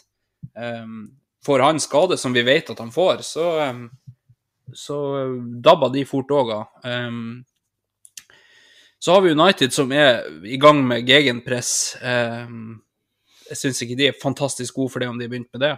Så um, jeg vil jo tro at topp fire, i hvert fall hvis vi fortsetter sånn her, da, for å si det veldig enkelt, så er topp fire innenfor rekkevidde. Men, men topp seks eh, kommer vi uansett. Det, det tror jeg. Ja. Nei, men eh, jeg stiller meg, meg bak den. Jeg tenker eh, topp seks er eh, forventninga, og topp fire er, er absolutt mulig nå. eh, Hvis, hvis United fortsetter å rote. For det, og jeg tror ikke Chelsea, Selv om vi kritiserer Chelsea, så tror jeg de kommer til å komme foran oss. Men jeg syns det er interessant å påpeke én ting, og det er at innebyrdes oppgjør, eh, det betyr mye. Mm. Når man ligger rundt samme plass på tabellen. Hadde vi vunnet den kampen mot Chelsea eh, i serierunde nummer to, var det vel? Mm. Så hadde vi vel ligget omtrent likt på tabellen med dem, er det ikke sånn da? Eh, for da ville de hatt tre poeng mindre, vi ville hatt tre poeng mer. Da ville vi hatt 36, og Chelsea ville faktisk ligge foran dem. Ja, ikke sant? Så den ene kampen eh, hvor vi ikke var klare, hvor Pablo Marie satte på ryggelyset og bare blinka seg bakover eh, Ja. mot Lukaku eh, Hadde vi vært klare til den kampen og vunnet hjemme mot Chelsea, som vi faktisk pleier å gjøre, Mm. så hadde vi vært foran dem på tabellen. Eh, Jeg tror faktisk det er så enkelt at hadde vi hatt Gabriel i den kampen, så hadde vi vunnet den kampen. For han, ta han takler sånne spillere mye bedre enn det Pablo Mari gjør. Eh, men eh, det er nå òg spekulasjoner, så klart. Ja, jeg vet ikke om jeg vil si at det er så enkelt, men eh, sjansen betraktelig større, åpenbart. Og det, det, det er Ja. tankevekker. For all, all Chelsea-hyllinga og all Arsenal-saginga, så, så er den ene matchen eh, innebyrdes så ekstremt viktig. Dessverre var den på hjemme, for det, vi skal til Stamford Bridge. Hadde den vært på Stamford Bridge, så hadde jeg tenkt helt annerledes på det. Men vi, Ja. jeg- å vinne der, eh, som vi kanskje må for å være med det, Men jeg vil, jeg vil ikke snakke om Arsenal mot Chelsea sånn sett. Men det er, bare et, det er bare for å tegne et bilde av at at hvis du ser på de andre 17 kampene som Arsenal og Chelsea har spilt, så, så har vi vært like gode som dem. Eh, Det er det ene innebyrdesoppgjøret som gjør at de ligger et stykke foran. Ja. det, der ser du på en måte Det er det som kanskje mangler litt. For vi vinner stort sett de kampene vi skal vinne, og så taper vi de kampene vi stort sett forventes å tape. Og, det, Ja. og fortsetter vi med det, så kommer vi til å gjøre en veldig god sesong. Det Absolutt. Vi, vi har egentlig heimeformen til topplag, og så sliter vi litt borte. Eh, så har vi tapt hjemme mot Chelsea, det er vel egentlig det eneste skåret i gleden der. Men, men eh, ellers så har vi egentlig heime, heimeformen til topplag. Og, eh, og så har vi slitt borte, men, men se på de bortekampene vi har hatt. da. Eh, det er City, og det er Liverpool og det er United. Det er, det er tre jævla tøffe bortekamper, i tillegg til det skal ikke være så tøft med et Everton som er så dårlig, men, eh, men det var veldig tydelig at vi spilte mot Goodison, vi spilte ikke mot det Everton-laget som kom utpå. mm, Så, um, så det um, Vi har gjort unna de to tøffeste bortekampene i år. Det har vi gjort unna. Og um, jeg, jeg sier ikke at vi slår dem på hjemmebane, for det, Liverpool tror vi taper mot uansett på hjemmebane. City Mm. Det tror jeg òg er mye mulig at vi taper på hjemmebane, uh, men, uh, men vi har vi har forhåndsvis greit hjemme, eh, hjemme eh, program igjen, da. Eh, nå, nå, skal vi i gang med et juleprogram der det er Wolves og, og Norwich, men, men, etter hvert så får vi de lagene hjemme òg. Så Ja, Wolves er jo hjemme, så Wolves er hjemme, ja, men Norwich er borte. Eh, men vi skal i gang med en, en, andre del av sesongen der vi har egentlig de, de enkleste bortekampene igjen. Eh, og, og de, de, vanskelige lagene har vi på hjemmebane. Og på hjemmebane har vi vært vanvittig bra resultatmessig i år. Mm. Nei, men uh, Da takker jeg igjen Andreas for uh, gode ord og håper jeg, uh, kvalifiserte ord som vi, som vi, trenger når jeg er ordstyrer. jeg skal kjøre på X-spilleren nå, det blir sikkert du med på. den Absolutt. er ferdig forfatta. Så, så, da tenker jeg at du kan lene deg tilbake. Det er Simen pleier å si det til pleier å ja, si det nei, men, meg, at han skal lene seg selv tilbake. og nå skal jeg introdusere meg sjøl, da. Så Ja, nei, jeg lener meg tilbake sånn som jeg gjorde sist jeg var vikar, og bare lytt og nyt, holdt på å si. Jeg var ikke engang interessert i fotball. Det var foreldrene mine som pusha meg til å prøve. Jeg var ni år, og jeg ville helst drive med friidrett. Da jeg møtte på fotballtrening, ba jeg pent om å få være keeper. Jeg ville redde straffer. Men til slutt overtalte de meg til å prøve meg som utespiller. Jeg var ti år gammel da jeg spilte min første fotballkamp. Sånn starta et usannsynlig eventyr. Den lynhurtige lille gutten som hadde sprint som sin store forse i livet, ble på rekordtid ustoppelig på fotballbanen. I sin første sesong som fotballspiller banka, han inn over 100 mål. Underutviklede ballferdigheter hadde lite betydning. Selv elleve illsinte Per Ulv hadde ingen mulighet til å komme nær denne Bippe Stankelbein-lignende fartsmaskinen. Gjetålene om kometrengen spredde seg snart som mugg i et glass med First Price tomatsaus. I løpet av et par år var han plutselig i Premier League-klubben Southampton, og det etter å ha avslått et kontakttilbud fra den nyrike Rubel-gjengen på Stamford Bridge. Gutten, som ikke hadde interesse for fotball, var nå i et av rikets mest anerkjente akademier. En uvanlig karrierevei for en uvanlig fotballspiller. Og kanskje også en uvanlig fotballpersonlighet. Dagens X-spiller er utypisk juvial til fotballspillere å være. En du kan slå av en prat med om været og småfuglene på en holdeplass. En som ikke stiller de konfronterende spørsmålene, men heller jatter med. En svigermors drøm. Kanskje var det litt derfor Nike tegna en merkevareavtale med ham da han kun var 14 år.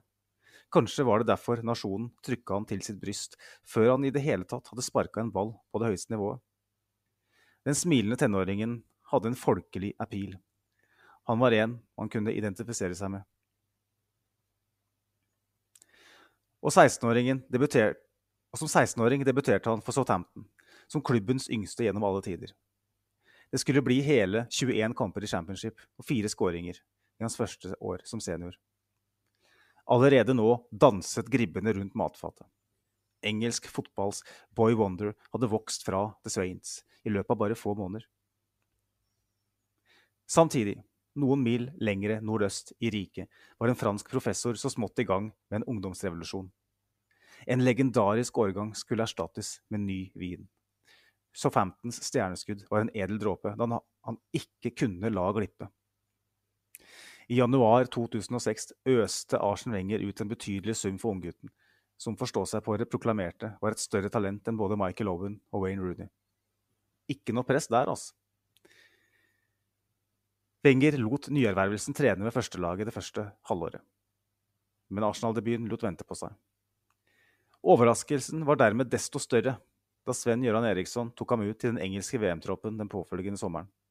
17 år og ukyssa skulle han være en del av noe av det minst gjestmilde man kunne tenke seg fotballen. Hva var tanken? Vel, Svennis hadde nok latt seg blende av stjernedyrkingen. He was just too damn charming. Førstereisegutten var selvsagt ikke i nærheten av å komme på banen og var kun med for å absorbere mest mulig av garderobekulturen og jetset-livet. Det blir litt som den gamle førstegangstjenesten her hjemme i Norge, når selv overvektige Ove med sosial angst og klippekort på jafs ble utkalt for å beskytte kongen og fedrelandet. Dette har du godt av, Ove, var mantraet, Men hva i alle dager skulle han bidra med? Men bidra, det skulle så definitivt dagens X-spiller. Etter at Arsenal pakka snippeesken og forlot ærverdige Highbury, bød muligheten seg umiddelbart. Lynvingen skulle få sin debut i den aller første Premier League-kampen på Emirates Stadium. Og det var han som flukta innlegget som endte med Gilberto Silvas utligningsmål, som igjen skulle sørge for ett poeng mot Aston Villa. Det første offisielle Arsenal-målet i den nye storstua. En plass i historiebøkene var allerede sikra. Det ble 16 ligakamper den første sesongen, uten at han klarte å sette spesielt preg på laget. Men verdien av erfaringen skulle vi se allerede den påfølgende sesongen. Wengers forpliktelse og dedikasjon til ungdomsprosjektet sørga for at vidunderbarnet fikk en sentral rolle i laget som 18-åring. Fra sin plass på høyrekanten serverte han frykt og hamstringstrekker på løpende bånd. Sidebekker fra gamleskolen prøvde forgjeves å kappe ham i to, men endte som regel opp med skjegg i postkassa og en føling på baksida av låret. Det skorta litt på valgene, som seg hør og bør, men glimtvis bød han på noen fryktinngytende raid. Ett av dem har til og med blitt ikonisk. Arsenal var én fattig scoring unna avansement i kvartfinalen i Champions League. Uret viste 84 minutter, og scenen var Anfield. Rafa Benites menn hadde stort sett blitt rundspilt av en umulig Abu Diabi, og kun marginer og svak dømming sørga for at hjemmelaget var a jour. Det var da Forrest Gump kasta beinstøttene og satte av gårde. Liverpool-spillerne så ut som trafikkjegler, der fartsdividundere brøt lydmuren og føk gjennom et svimmelt hjemmelag. Vel så imponerende var timingen og adressen på innlegget, som Emmanuel Adebayor enkelt kunne styre i det åpne målet. Et øyeblikk som skulle vært for evigheten, men som bare varte et knapt minutt. Før gunere verden over hadde rukket å fire seg ned fra sine respektive lysekroner, hadde Liverpool stupt i angrep og skaffa seg et feilaktig idømt straffespark. Fotball er ikke rettferdig. Et fantastisk Arsenal-lag ble frarøvet en semifinaleplass. Men gutten med rakettskoene hadde satt seg selv på kartet for alvor. I sesongene som fulgte, fortsatte han å gi nattesvette til svimle motespillere. Og det var gjerne på den største scenen han presenterte seg. Vi husker raidet på San Siro mot AC Milan i 2009, da nok en gang ga Adebayor verdens enkleste jobb. Og denne gangen skulle det også bli avansement til semifinalen. Vi husker også innhoppet mot Guardiolas Barcelona i 2010, da Arsenal lå nede for telling mot verdens beste lag. Kun en ellevill Manuel Almunia sørga for at The Gunners ikke lå under med mer enn to mål. Dagens X-spiller kom inn etter 69 minutter og blåste liv i et hjemmelag som frem til da hadde sett ut som stålkameratene Allboys i en umulig kamp mot overmakten. Carles Piol og co. var ikke forberedt på hva som var i ferd med å treffe dem. Som en viril unghingst løp han i stykker et simmelt borteforsvar, og snart var det 2-2. Han satte selv inn den første skåringen, før Cesc Fabrega satte inn 2-2 på straffe. For et våpen han var! Året etter kom katalanerne igjen på besøk og de mentale, snårene, mentale sårene hadde ikke røkket å gro. Selveste Lionel Messi uttalte før kampen at dagens X-spiller er en av de farligste spillerne han noensinne hadde spilt mot. Et sitat som bør rammes inn og settes på den folkelige peishylla han helt sikkert har. Men det var noe som føltes ufullendt med supertalentet. Fire år etter at han ble inkludert i Svennys VM-tropp som 17-åring, ble han i 2010 ekskludert av Fabio Capello. Gutten som skulle overgå Owen og Rooney, var et godt stykke unna å innfri. Fotballen utviklet seg voldsomt gjennom disse årene, og kantspillerne ble stadig mer integrale i oppbyggende spill samt i det defensive arbeidet. Hurtigtoget sto litt naken tilbake. Han hadde ekstremferdigheter, men manglet allround-egenskapene.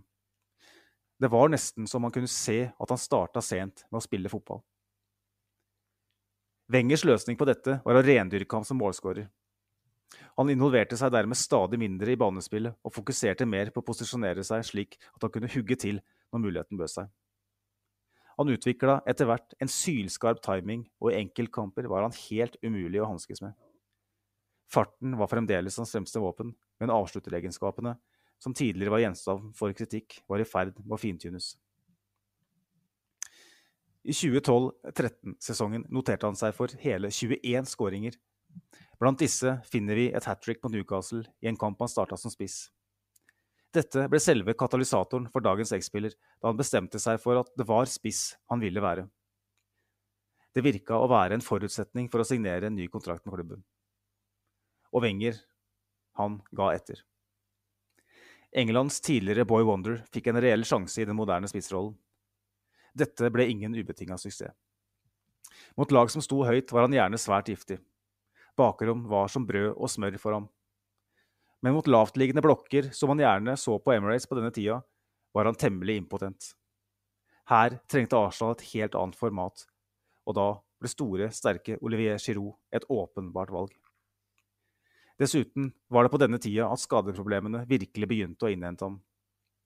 En kneskade skulle sørge for et helt år på sidelinja, akkurat idet han var i ferd med å stille kritikerne for alvor.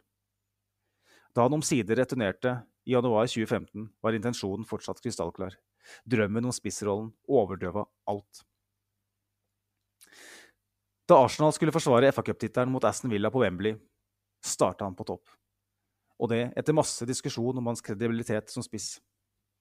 En noe lunken vårsesong sørga for vann på mølla for kritikerne. Men denne skjønne maidagen skulle det imidlertid bli kanskje hans beste opptreden i Arsenal-trøya. Et Tim Sherwood-ledet Villa var aldri i nærheten av å få tak på ham, og wannabe-spissen banka inn det første målet i kampen. Feiringa sa alt.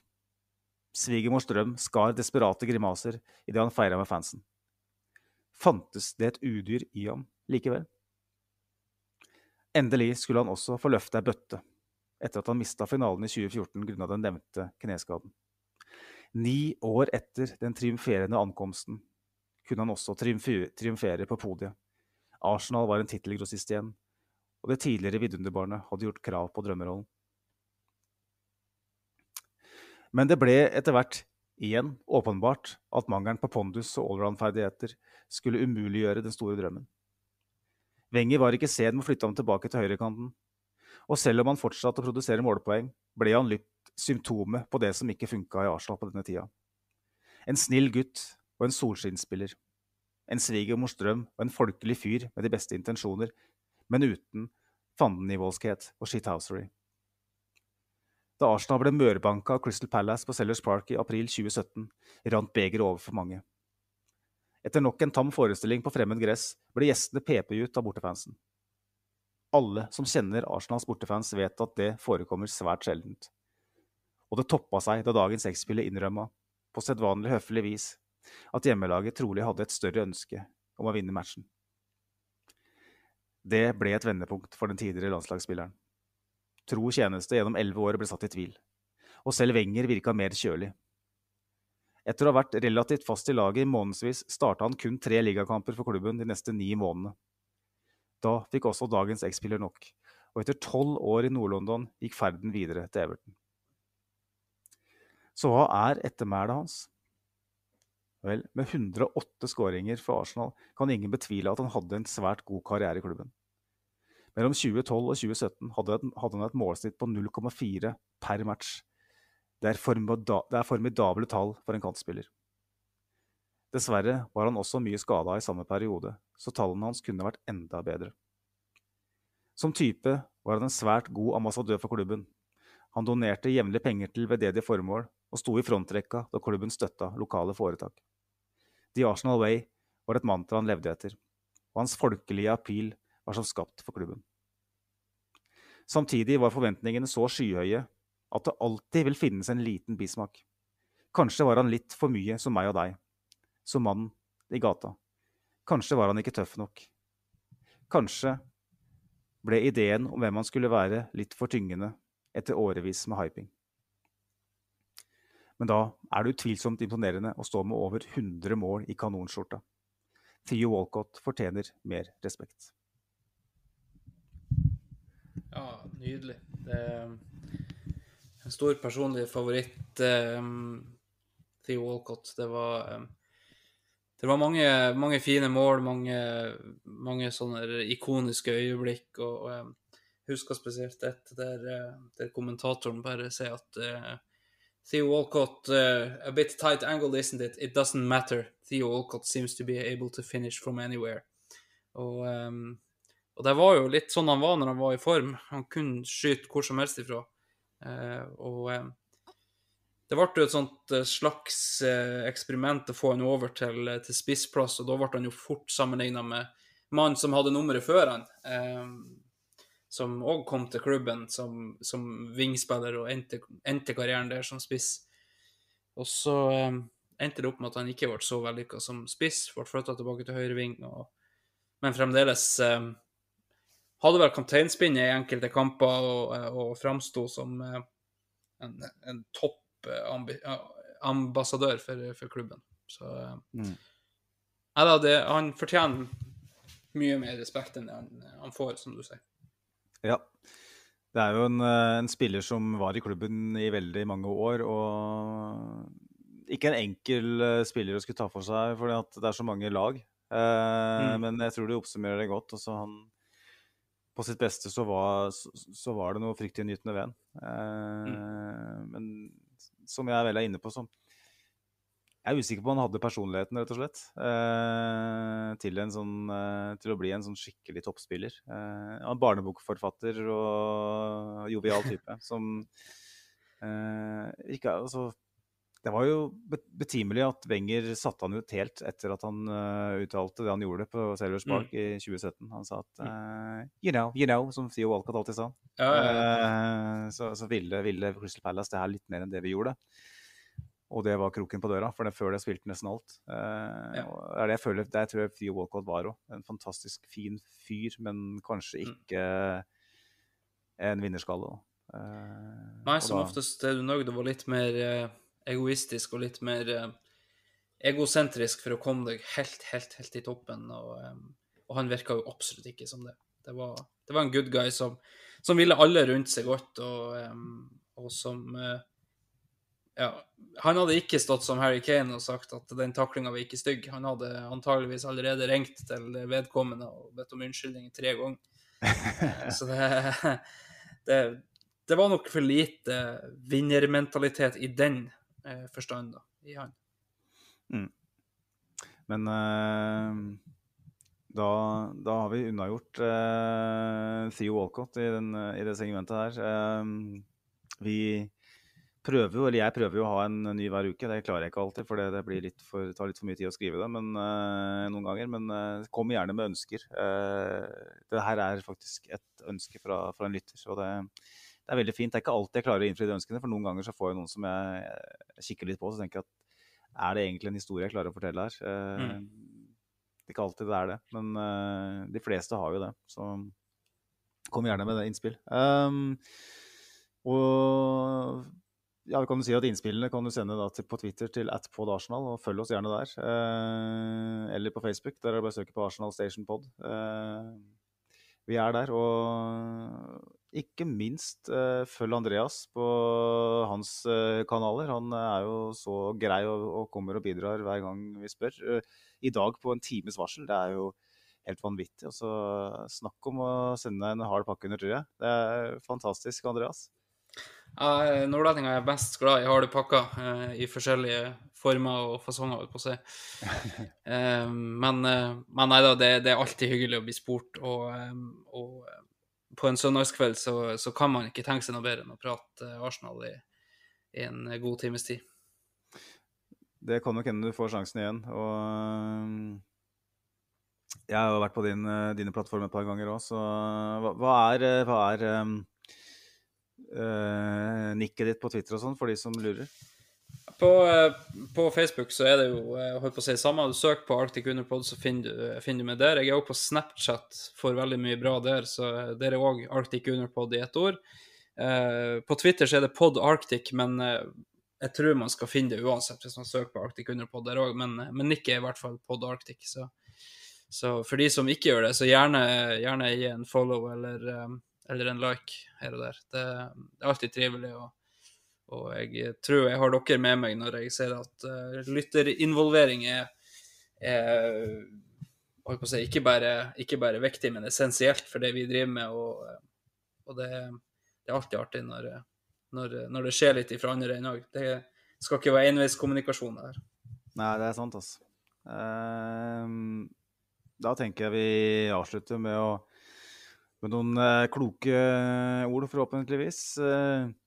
Vi har fem dager til julaften når vi spiller inn. Når, det, når dere lytter, så er det kanskje fire eller tre. Um, det er en skje, som vi sier på Hedmarken, skje ti uh, for de Mm. fleste. Uh, med begrensninger i, i hverdagslivet. Og jeg håper at uh, lytterne får ei tross alt en veldig fin og fredfull jul med sine nærmeste, og at, uh, at vi kan bidra med noen episoder i løpet av julehøytida som hvis man ikke har noe å finne på, så, så, så kan man i hvert fall sette seg på en podkast og forhåpentligvis eh, glede seg over noen eh, trepoengere eh, i løpet av juletida. Vi skal jo spille masse matcher. Eh, vi har jo Sunderland nå før jul, og så har vi Norwich andre juledag. Eh, Wolverhampton fjerde juledag. Så her kommer Ja, hvis det blir kampene- ja.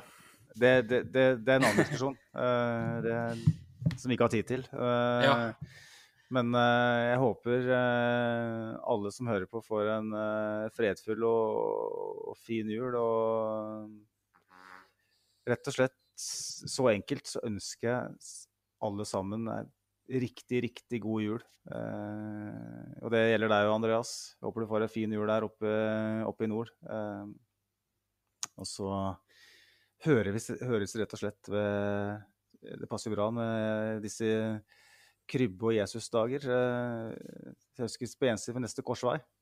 Ja, Så- nei, det, det ønsker jeg så klart jeg òg. Ei veldig fin jul i lag med, med dine nærmeste. Så må alle bare ta vare på hverandre der ute og, eh, og kose seg i jula. Nå har jeg en hund her som begynner å bli utålmodig. Han driver og snøfter litt til meg, så han eh, skal sikkert ut og lufte seg en tur. Det er sikkert noen lyttere som begynner å snøfte òg, fordi vi har holdt på altfor lenge. Så det Nei, men tida går fort i godt selskap, så jeg håper jo at lytterne tenker det òg når de har hørt på det her. Yes. Nei, men Andreas, da ser vi rett og slett bare på gjensyn. Eh, Så høres vi snart. Ja, det gjør vi absolutt. Ha det, ha det. Hei. Ha det bra.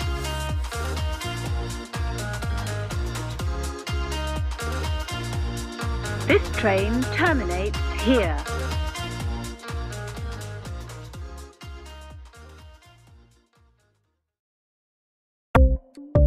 Ukens annonsør er HelloFresh. HelloFresh er verdens ledende matkasseleverandør og kan være redningen i en travel hverdag. Mange av oss har nok vandret i butikken både sultne og uten en plan for middagen, som ender med at vi går for de samme kjedelige rettene gang på gang. Middag burde være dagens høydepunkt. Som HelloFresh kan du nå velge mellom 25 ulike retter hver eneste uke, eller få HelloFresh til å sette sammen menyen for deg. Dette gir deg muligheten til å prøve nye og spennende retter alene eller sammen med familien. Du velger antall porsjoner og får alt levert på døren på et tidspunkt som passer for deg.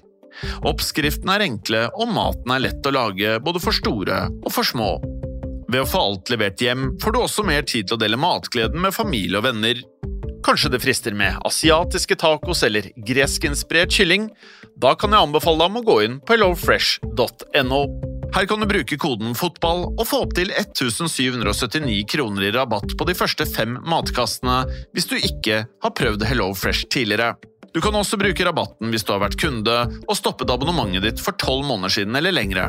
Gå inn på hellofresh.no og bruk koden FOTBALL. Har du et enkeltpersonforetak eller en liten bedrift? Da er du sikkert lei av å høre meg snakke om hvor enkelt det er med kvitteringer og bilag i fiken, så vi eh, gir oss her, vi. Fordi vi liker enkelt. Fiken superenkelt regnskap.